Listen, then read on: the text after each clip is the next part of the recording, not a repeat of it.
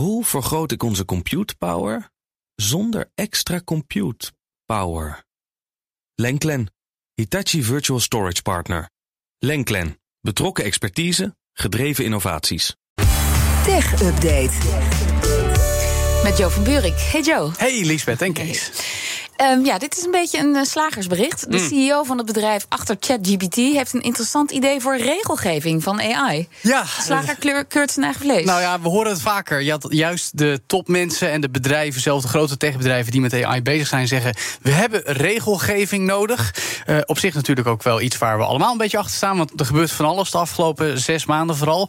Maar dit is best een interessante suggestie, namelijk licenties voor bedrijven om met AI te mogen werken en dat te ontwikkelen gaan afgeven. Okay. Eigenlijk is dat helemaal niet zo gek, Lisbeth, want de vergelijking tussen AI en kernenergie wordt her en der al gemaakt. En dat laten we ook niet uh, door elke melo doen, zou ik maar zeggen. Dus dit is helemaal niet zo'n vreemd idee van Sam Altman, de CEO van OpenAI, dat bedrijf dat ChatGPT heeft opgezet. Vandaag staat meneer Altman voor Congress in de VS. En daar gaat hij dit eigenlijk ook voorstellen. Dat meldt Reuters althans. Die hebben zijn hele statement al ingezien. Hij zal er ook een hoop vragen gaan krijgen. Uh, samen met nog wat andere mensen uit de tech-industrie. Op die manier kunnen bedrijven ook gehouden worden aan standaarden op het gebied van veiligheid en ethiek. Dat is een beetje de reasoning van Altman. Snap ik. Uh, en er is zelfs zo'n suggestie voor een naam gedaan. Die kwam gisteren via iemand anders bij OpenAI in de media terecht, onder meer bij Reuters. Office for AI Safety and Infrastructure Security. Dat bekt niet heel lekker, maar als je het afkort, zegt het Oasis. Kijk, en dat vind ik wel weer geestig. Ja, ja. en en uh, wat denk je er zelf van? Nou, op zich, wat ik zei, een interessant idee. Want de vergelijking met kernenergie wordt al gemaakt. Maar het nadeel is wel, als je het heel erg gaat uh, enten op licenties en goedkeuringen en dergelijke, dat het automatisch iets wordt waar eigenlijk alleen grote bedrijven nog aan mee kunnen doen. Want dat kost heel veel geld. En techbedrijven pompen hier al jarenlang ja. miljarden dollars in, dat weten we. Terwijl in principe het mooie van digitale technologie is dat het letterlijk bij mensen thuis op zolderkamers moet kunnen worden. Nou ja, met kernenergie dacht ik heb je een laboratorium nodig, maar bij AI een laptop. Ja, nou dat ook. En dat willen we niet kwijtraken, want dan ga je toch wel naar een situatie dat het echt alleen nog maar door de grote techbedrijven gemaakt kan worden. Tegelijkertijd juist ook ja, zolderkamers of garages, zo je wilt. Daar zijn de meeste van de grote techbedrijven van de hele dag ook ooit begonnen. Microsoft, Apple, Google. we kennen de succesverhalen en ja, die willen we ook wel behouden. Tenminste, die mogelijkheid om het zo te doen.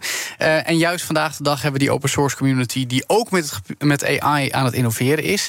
Ja, juist met AI blijft het een heet hangijzer met de risico's op het gebied. Maar ik ben vooral benieuwd of ook dit verhaal op die manier ja. aan de orde gaat komen ja. bij Congress. Maar ik hoop maar niet, als we het dan toch over Oasis hebben, dat we straks denken: don't look back in anger. Wat ze dan altijd zingen. Hey. Dus dat het uiteindelijk slecht is uitgepakt, natuurlijk. Ik weet niet of de muzikale verwijzing uh, front en center staat in dit verhaal.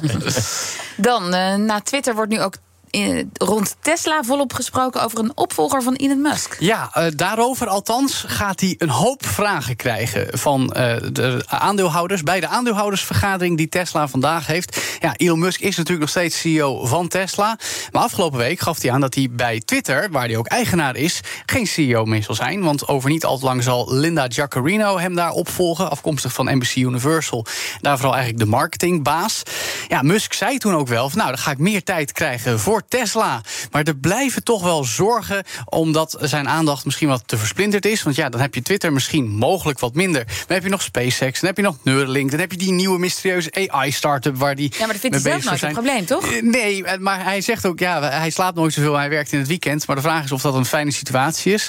Uh, vanochtend zei collega Stijn ook al in het tech-update dat Musk zelfs goedkeuring moet geven voor allerlei HR-zaken als het gaat om bepaalde nieuwe mensen aannemen. Nou, dat is toch niet iets waar Beetje een CEO micromanagement, ja. op zijn zacht gezegd. Dus bij Tesla wordt volgens uh, Bloomberg binnenkort gestemd uh, over een onderzoek uh, om een key person risk analyse uit te voeren. Oftewel kijken hoe erg Tesla afhankelijk is van het leiderschap van Musk. Ja, en dus de beurskoers van Tesla. En dus de beurskoers ja. en dus het geld van de aandeelhouders. Daar gaat het natuurlijk allemaal om. Om erachter te komen uh, hoe erg uh, ja, dat uh, -hmm. van invloed is. In de loop van de tijd zijn er ook al wel wat namen voorbij gekomen. Zoals die van James Murdoch en de CFO op het moment, Zach Kirkhorn. En ook de CTO, JB Straubel.